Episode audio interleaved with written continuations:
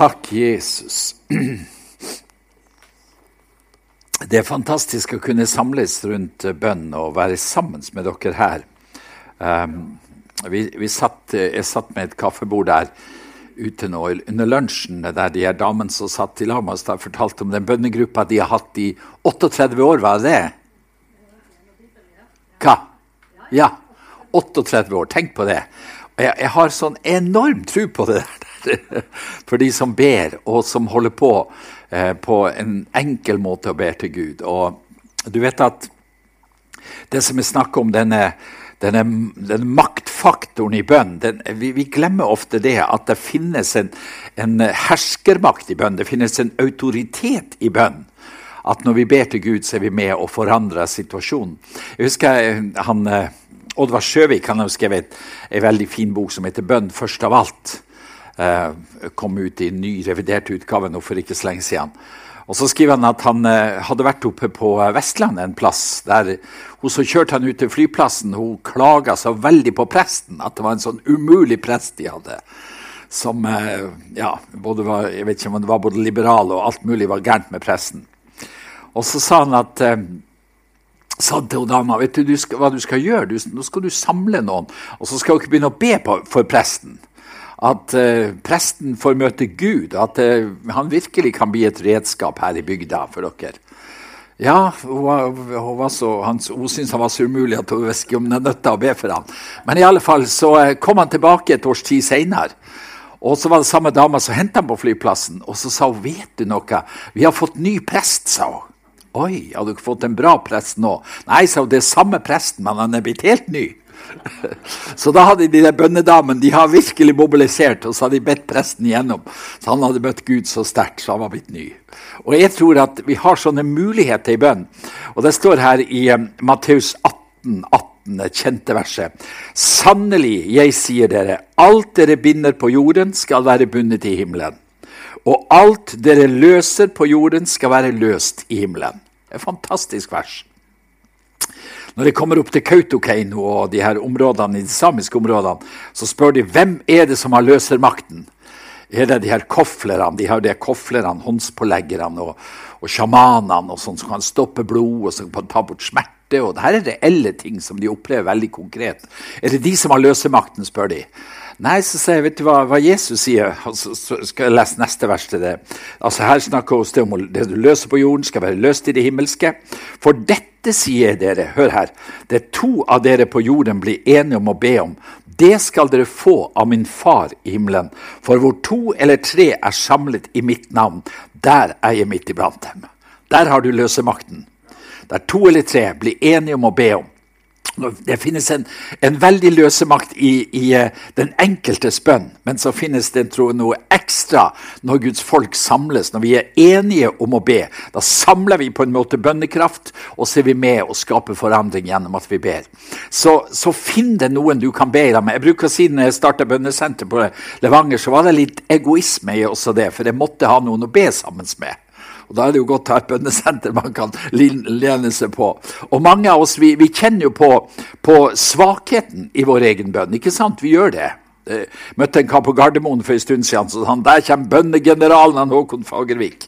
Og man kjenner jo ikke hele tatt på det. For du vet, bønn er sånn at jeg føler jo bare Jeg har satt foten inn på strandkanten, og så ligger det et enormt landskap foran meg som jeg ikke ennå har inntatt. Så det finnes så mye vi kan innta gjennom bønn. Ved at vi kommer sammen med andre og ber, vi, vi oppmuntrer andre, vi inspireres når vi ber sammen med andre.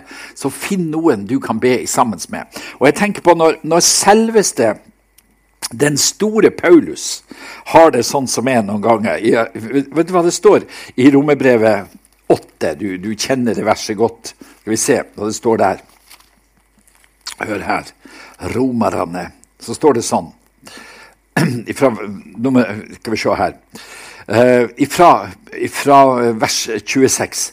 På samme måte kommer Ånden oss til hjelp i vår svakhet. Paulus, du er vel ikke svak? Tenk på alle årene i fengselet der han ba og kjempa for, for menigheten. Han, han, er vel en av de sterkeste forbedrerne vi kjenner til.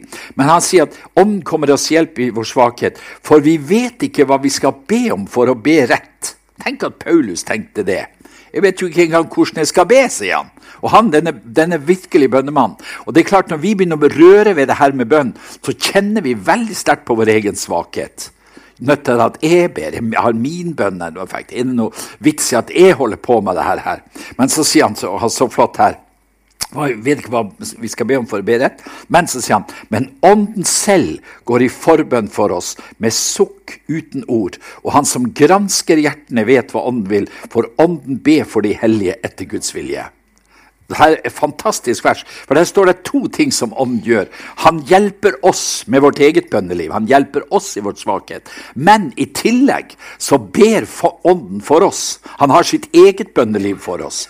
Så både hjelper han oss når vi driver og ber, og så går han i formen for oss med sukk som ikke kan uttrykkes i ord.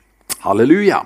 Så, så jeg, jeg, bruker å si det at jeg er aldri alene når jeg ber. Jeg, jeg kobler meg på det himmelske bønneteamet. Og her har du en av de medlemmene i bønneteamet. Det er Den hellige ånd. Og så står det, I hebreerbrevet står det at Jesus han lever for å gå i forbønn for oss. Så der har du den andre karen på bønneteamet. Og så får jeg lov å koble meg på. Så vi er iallfall tre stykker til stede hver gang jeg ber. Og Det skal du tenke på ditt eget bønneliv. Og den ene av de, den ånden, kommer det til hjelp i din svakhet. Og den går i forbønn for oss med sukk som ikke kan uttrykkes i ord. Halleluja. Så står det vers 28. For jeg vet, sier Paulus, at alt tjener til det gode for den som elsker Gud, det som han har kalt det til sin frie vilje. Det er det som ligger i Guds hjerte, alt det som er godt for oss. Et, et ord til, jeg må ta det også, fra eh, andre Korinterbrev. Det er jo også et sånt oppmuntrende avsnitt om bønn. Om det Korinterbrev 10, så står det sånn her. Uh, Paulus snakker om sitt eget liv og det åndelige situasjonen. Så sier han vel går vi fram på menneskelig vis, men vi kjemper jo ikke slik som mennesker gjør, sier han. Og så sier han, tenk på bønnevåpenet nå. For våre våpen er ikke fra mennesker, men de har sin kraft fra Gud og kan legge festninger i grus. Vi river ned tankebygninger og alt stort og stolt som reiser seg mot kunnskapen om Gud, og vi tar hver tanke til fange under lydigheten imot Kristus. Tenk på et sånt vers, og legg det til grunn for ditt, ditt, ditt bønneliv når du driver og ber. Herre, du må kvesse bønnevåpenet mitt. Du må gjøre sverdet mitt skarpt når jeg skal gå inn i bønn. Og så står det at kraften er ikke fra mennesker. Våre våpen er ikke fra mennesker, men de har sin kraft fra Gud. Og derfor kan de legge festninger i grus. Og det er fantastisk å tenke at når jeg går inn i bønn, så er det ikke hvor flink jeg er å be, hvor dyktig jeg er og hvor flink er å formulere. Hvilken kraftig bønnestemme han der har. Oh, han kan virkelig stå på i bønn. Han er utholdende, han er sterk, han, han ber så fine bønner. Det er ikke der kraften ligger, men det står kraften har sin kraft fra Gud. Og Det er jo det som er så interessant med bønnen, at når vi med våre små, svake bønner ofte ber, så er det Guds kraft som trer inn i bildet.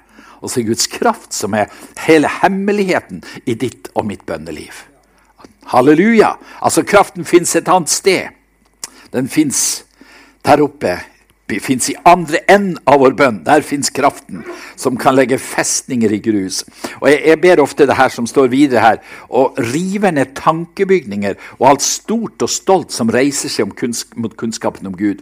Jeg tenker på spesielt det her med, med barna, barnebarna våre i denne tida her, som er under et sånt kjør av tankepress og tankebygninger og ting som, som liksom bygges opp i deres liv ut av alt det negative som kommer fra nettet. Fra kamerater, fra press, fra mange forskjellige hold. Og hvordan kan vi rive ned de her tankebygningene? Her står det at vi gjør det med Guds våpen. Gjennom bønn så kan vi rive ned tankebygninger og det stolte og store som reiser seg imot kunnskapen om Gud. Det kan vi gjøre noe med ved at vi ber til Gud. Jeg husker når jeg, når jeg var på vei ut i verden. Da. Jeg, jeg reiste jo hjemmefra da jeg var 14 år gammel og begynte å jobbe på en stor sildesnørper. Det var 22 tøffe mannfolk om bord der. Et ganske tøft miljø da. Men så hadde en, spesielt en bestemor Hun var mye syk, og bestemor lå til sengs. Men der brukte hun veldig mye tid å be for meg. Hun hadde kjøpt meg en liten bibel som jeg hadde med meg ut i båten, og på båten som jeg for på, 14 år. Og I den tida så trodde hun at hun var voksen når hun var 14 år. Når jeg ser 14-åringene i dag, så er det jo helt utrolig at jeg kunne reise ut og begynne i fullt arbeid når jeg var 14 år. Men sånn var det jo den tida, da. Men jeg føler når jeg var på vei ut i synd, så, så følte hun bestemor hun hadde nakketaket på meg. Jeg kom liksom aldri ordentlig utpå, for hun dro meg med sine bønner tilbake til Gud. Og det her er bønnens kraft, som både river ned festningsverker, og som river ned tan eh, tanker, tankebygninger i lydigheten imot Kristus. Så vær frimodig når du ber for eh, barn og barnebarn og de som du har virkelig omsorg for. Og tenk på at jeg skal være med og rive ned noe av de her negative tankebygningene som kommer imot Gud. Og det, det, er masse greier. Tenk på I skoleverket nå, der du lærer liksom fra du begynner på skole at Gud ikke fins, Gud har ikke skapt. Og nå en sånn utrolig glede det å vite at Gud er skaper. Det, det er jo, altså jeg tenker på i mitt liv så fantastisk å se skaperverket og vite at den designeren som står bak det her, det er min himmelske pappa. Det er jo han som har gjort det her. Og jeg, jeg prøver å snakke mye med barnebarna, og jeg prøver jo å, å finne mye stoff da rundt det her. Eh, det fins en som heter James Tour. Hvis du vil finne utrolige interessante ting om skaperverket, skal du høre på en messiansk jøde. Han har masse greier på nettet. Og En, en kalte han for verdens fremste forsker. var det en som kalte Han Han har skrevet 160 artikler i de mest kjente vitenskapelige bladene rundt omkring i verden. En stor autoritet, men en brennende kristen. Han sier at hvis det går en uke uten at jeg har bedt min synder til frelse, så er det en uke ødelagt, sier han. Det er bra ut av en, en topp vitenskapsmann. Og så sier Han noe annet. Han sier at i forskninga vi, sånn som vi holder på med Han har forska inn i, i celleverden, holder på med nanoteknologi og masse greier. han der karen. Så sier han Gud roper til oss hele tida ut av skaperverket. Og det gjør det jo. Hvis du vil være sann og ærlig, så vet du at Gud roper til deg. Tenk på at, at i, i øyet ditt så har du 130 millioner lysstaver som tar imot lyset. 130 millioner i hvert øye som forandrer lyset til elektriske impulser og sender det til hjernen. Det er ganske mye, det. Og tenk på at, at for, for hver, når, når, jeg, når, jeg, og kona mi har sex, så er det ca. 200 millioner sædceller som skjøtes ut. Jeg vet ikke om det er så mye når jeg er gammel, da, men iallfall i min ungdom så var det jo sånn. da. Men tenk på de 200 eh, millioner slåss om det ene egget som dere damer er så heldige å ha. da. Og så en, en, en av de sædcellene ble da meg. Når jeg ser på pappa, f.eks., mange likhetstegn jeg hadde med pappa, alt det der lå i den ene sædcella. En sædcelle tar ca. 80 dager å lage. I, i, i, kroppen vår. da. Der den bygges, denne sædcella, tar 80 dager. Og så skytes det ut 200 millioner for hver gang du har sex. Tenk på det. Og den ene når tak i egget da, og, og gjør oss til dem vi er fantastisk. Altså, hvis du, hvis du, tviler på at Gud er raus, så har han god råd. han produserer en masse greier som det ikke blir noe ut av. Men han sier la det stå til. en iallfall lykkes jo. Og, og, og, altså, Skaperverket er helt sånn. Vet du at, at eh, at hvis, da, hvis, du ser en snøkrystall på vinduet, altså en sånn snørose, så inneholder den 900 millioner milliarder vannmolekyler. 900 millioner milliarder vannmolekyler er et snøkorn som ligger på, på ruta. Det skapes i løpet av 10-15 minutter de funnet ut i atmosfæren, og bygges sammen og blir det her fantastiske skaperverket. Men det består av så mye. Det var en som sa det at hvis du tar et glass vann så kan du tenke deg hvor mye atomer er det i et glass vann. Så sier han, en forsker sånn her antagelig så er det like mye atomer i et glass vann som det dråper av vann i havet. Prøv å tenke på den. Da ser du Gud i sin utrolige skaperevne som har skapt alt. Alt, altså, det, det som han, han James Tour sier, at det roper imot oss hele veien. Så fantastisk. Vi, vi, er jo ikke på det nivået at vi kan forske i det her greiene, men vi ser en blomst på marka, vi ser en fugl, og vi ser vakre fjell. Jeg kommer fra et lite øy der det er et utrolig skaperverk rundt oss, med de syv søstre og Dønnemannen og Låvund og de fjellene. Står, vet, i, I min kommune på Helgeland så er det 3600 øyer. Så de sa når Gud var ferdig med å, å skape, så han noe rusk og rask igjen. Det hiver han ut på Helgelandskysten. Spre det ut der. Så det, Derfor er det så utrolig fint. Og tenk på det, å få regne med Gud som din skaper. Og så blir det røva ifra barna i skoleverket. Der Gud har jo ikke skapt. Selvfølgelig har Gud skapt. Du har ingen forklaring ellers hvis du ikke tror på Gud som skaper. Da står du der med et tomt skall ut av noe som du tror har bare vært blitt til av seg sjøl. Men det her er, vi skal, vi, skal, være med og rive ned tankebygninger. Jeg har, jeg barnebarna jeg ser stadig sånn input til dem om skaperverket. og Det er jo så mye fascinerende å finne på nettet. Og så får jeg respons, at de ser og de leser og sånt. Så det, det er lurt. Og så, og så har vi bønneveien, da, som jeg snakker om nå. da. Våre våpen er jo ikke fra mennesker, men de har sin kraft fra Gud og kan legge festninger i grus. Så eh, hold fast på de små bønnegruppene og, og vær med å be inn i situasjonen. Jeg må ha et vers til. I Salme 102 skal du høre her. Hvis, hvis du syns, Jeg møter jo så mye folk som syns at deres bønn er så svak. da. Skal du høre her hva det står. Hør her. I, I Salme 102 så står det han hører de elendiges bønn, og han lytter til fangenes sukk. Så hvis du tviler på at Gud har, hvis du tror Gud har dårlig hørsel, så, så, må du tenke om igjen. For han hører når den elendige ber, og han, han lytter til fangenes sukk og ringakter dem ikke, står det. Du vet, i, i, min, i, min, familie så har vi, Det er egentlig en veldig sterk historie min familie. For alt begynte med bestefar, en bestefar som heter Hans. Han var en fattig fisker som bodde ute på Seløya, der jeg, der jeg vokste opp. da. Og så, eh, altså de, her, de, de, var fattige, og de forble fattige. Fiskekjøperen han hadde all makt over de her.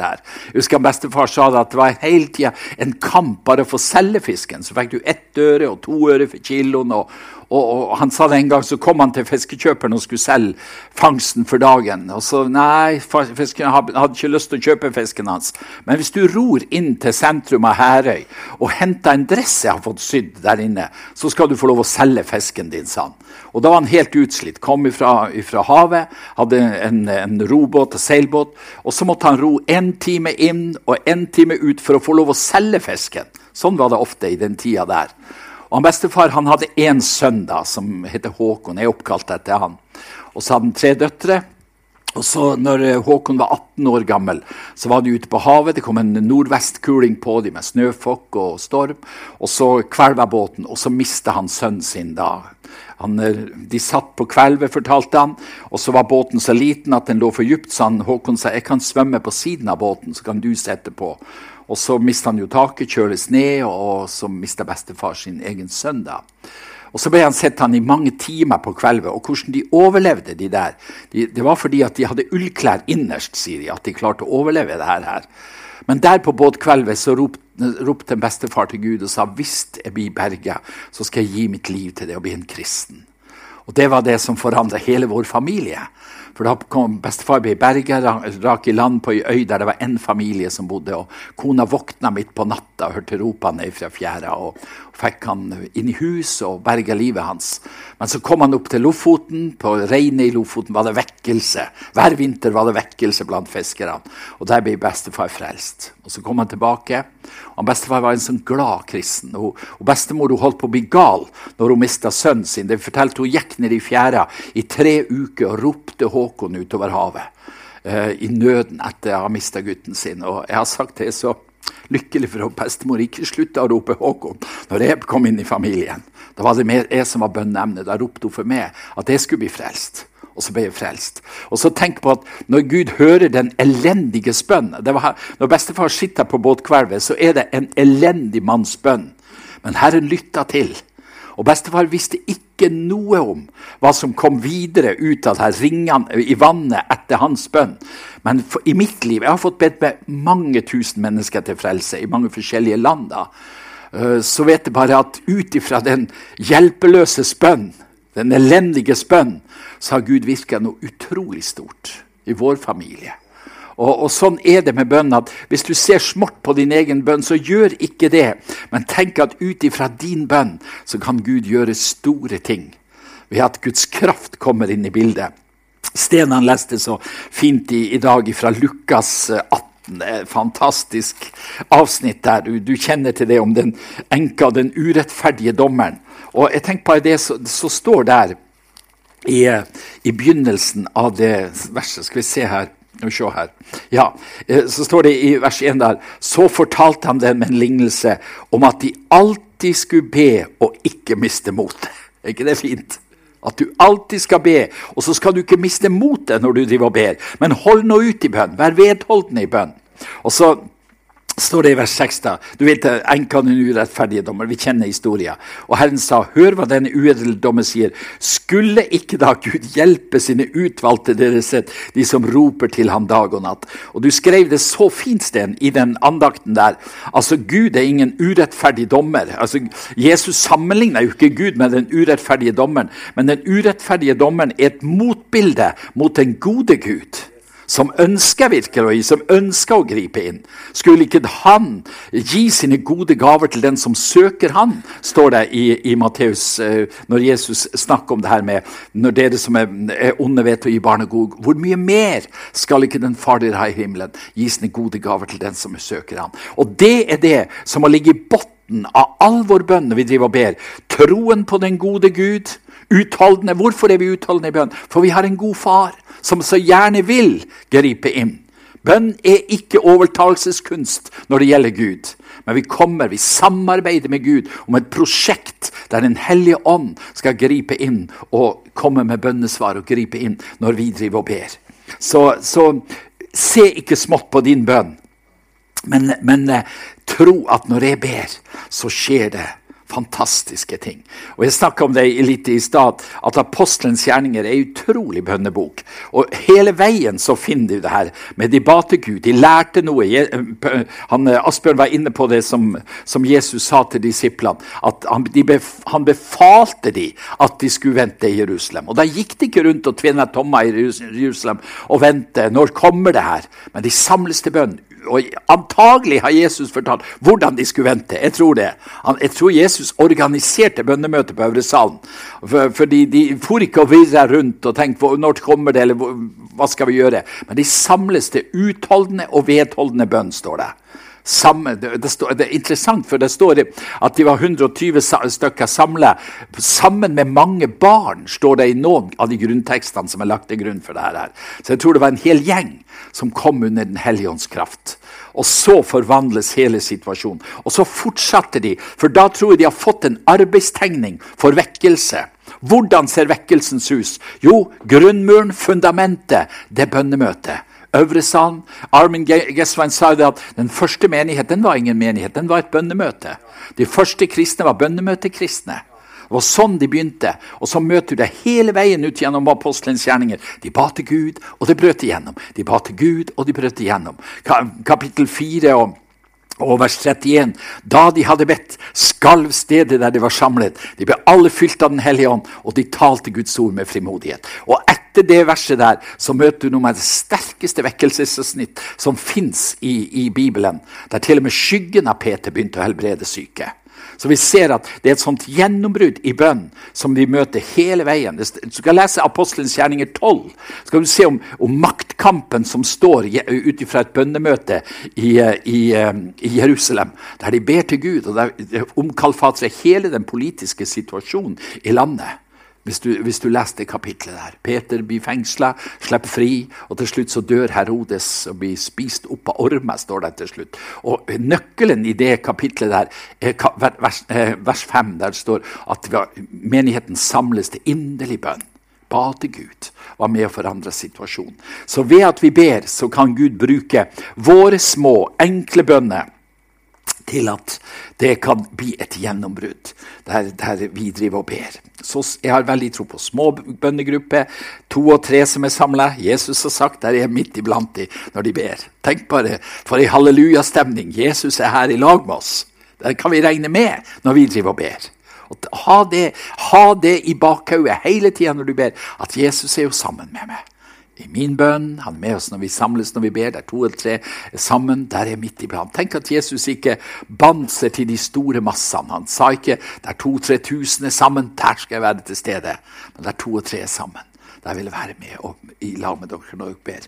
Og La meg si helt til slutt her at fyll nå ditt liv med mye lovprisning når du drev og ber.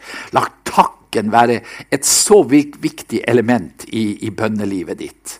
Og, og at, i, i, i, Salme 100 så står det jo så fint. Vi, vi må lese Salme 100. Og, og der, der, står det om det her med å, å den begynner jo sånn Bryt ut av jubel for Herren all jorden.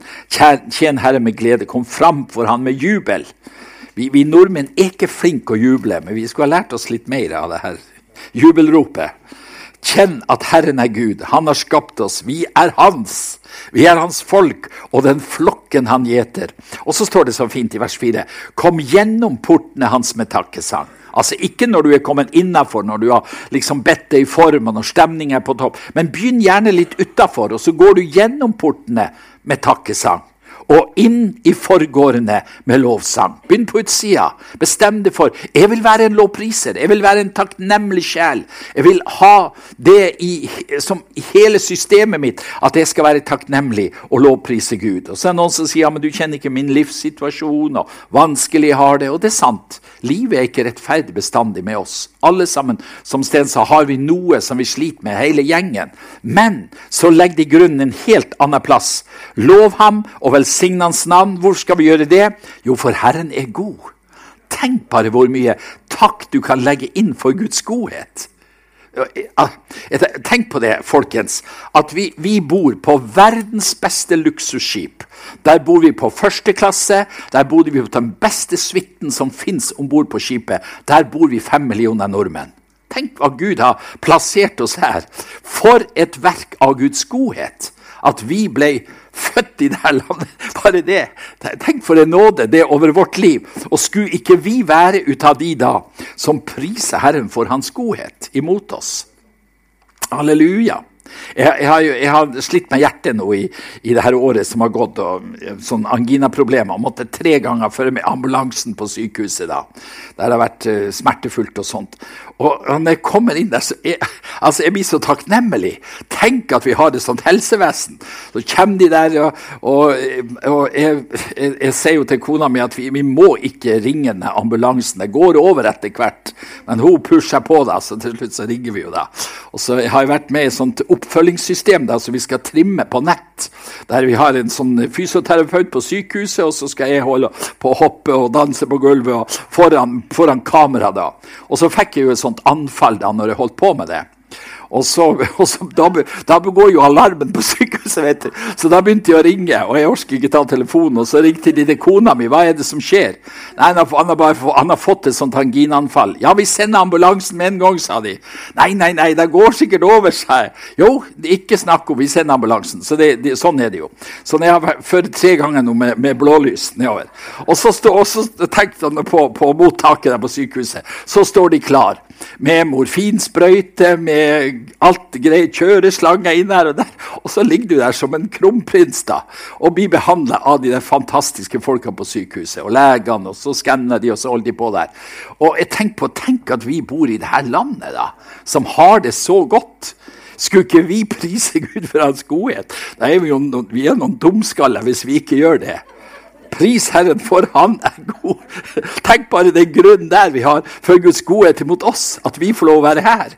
Og så står det videre For og evig er Hans miskunn. Tenk på det, at Gud har så mye miskunn og nåde for mitt liv at han ikke går lei av meg men at Herren er så nådig hele tida. Du vet, jeg har vært en stor forbruker av Guds nåde. Jeg kan godt si det. jeg har vært det. Vi hadde en sånn original i Brønnøysund. Han, han, var så opptatt av Guds nåde hele tida. Så vitna han i hvert møte spratt han opp en pinsevenn. Sang et sangvers, og så vitna han. Og så sa han, hver gang han hadde vitna, så sa han Og så må dere huske det, gutter, at det er en av de som har tatt svømmeknappen i nådens hav, sa han. Jeg har tatt svømmeknappen i nådens hav. og her har du en til. jeg har virkelig tatt svømmeknappen kommeknappen i nådens hav. Så masse nåde som Gud har gitt, og miskunn. Tenk hvor god Gud har vært imot oss. Og så sier han til slutt her skal vi høre, Og hans trofasthet, den varer ifra slekt til slekt. Og jeg tenker på Når man blir gammel, så har man mye å takke Gud for når det gjelder hans trofasthet. Tenk hvor trofast Gud har vært fantastisk. Du vet at, at jeg, jeg, har opplevd så mye av Guds trofasthet. Ikke bare for meg, men for, i det misjonsarbeidet. Vi har et misjonsarbeid som er ganske stort etter hvert i Filippinene, Ukraina, Zambia, Israel og, og, Latvia. Og vi må ha inn minst 1,2 millioner hver måned hvis arbeidet vårt skal gå rundt. Og du vet aldri hvor det skal komme ifra. Men nå har jeg holdt på med det i skal vi se, Jeg starta det i 92, starta jeg Nordic Mission da. Har vi holdt på i, i alle de her år, snart 30 år, år har vi holdt på. Og så har vi sett Guds trofasthet. Noen ganger så har det vært virkelig på kniven at vi har klart å, å sende ut misjonsmidlene. Og millioner skal jo gå ut hele tida til misjonslandene som vi er, er engasjert i. Men så ser du så trofast Gud er i så mange ting. altså. Vi, vi holdt på å skulle, å skulle, bygge et eldresenter nede i, i, Ukraina. Vi holdt på å skal bygge et nytt et akkurat nå. da. Skal du høre noe interessant? Vi, vi, skal, vi har et, et, fantastisk arbeid i Ukraina. Der de gamle kommunistene og ateistene kommer på gamlehjemmet vårt, til eldresenteret. Der blir de frelst, der blir de døpt. Vi hadde stor dåp nå der nede. at Mange av de her skrøpelige karene må nesten bæres ut i dåpsbassenget. Og, og, og, og, så får de møte Jesus så sterkt. Og så, så er det sånn veldig press press, for det fins jo ikke eldreomsorg i Ukraina. Nesten ikke. Og vi er et av de få plassene, og de ringer fra Sibir og fra Russland. Overalt og vel inn der. Og vi har, ikke, vi har 40 plasser, så nå skal vi bygge 40 plasser til. Og Så tenkte vi hvor skal de komme, pengene komme ifra? Og så er det en forretningsmann som er kanskje min aller beste venn. Har vært det i masse år. da. Jeg har vært, med, vært mye hjelp inn i hans liv når han har hatt det tøft. Og, og så han, han, er en av de som har solgt munnbind i eh, pandemien. Og kan du tenke det? Vet du, Han fikk en ordre på en dag så fikk han ordre på 100 millioner i munnbind. Han solgte staten og solgte Norgesgruppen og det her. Og så, han, og så, er han veldig bevisst på at han skal gi tiende. Han er helt gal på det her med tiende. Han skal gi tiende ut av absolutt alt han tjener. Så han, han, har sagt at det der er jo et perfekt prosjekt for meg å være med på, på borti Ukraina. Så vi, vi må ha inn ca. 5 millioner hvis det her skal komme på plass, det bygget. Og han har gitt over 3 millioner allerede. Han får en mail ifra han. Nå jeg sender nå en million igjen, sa han.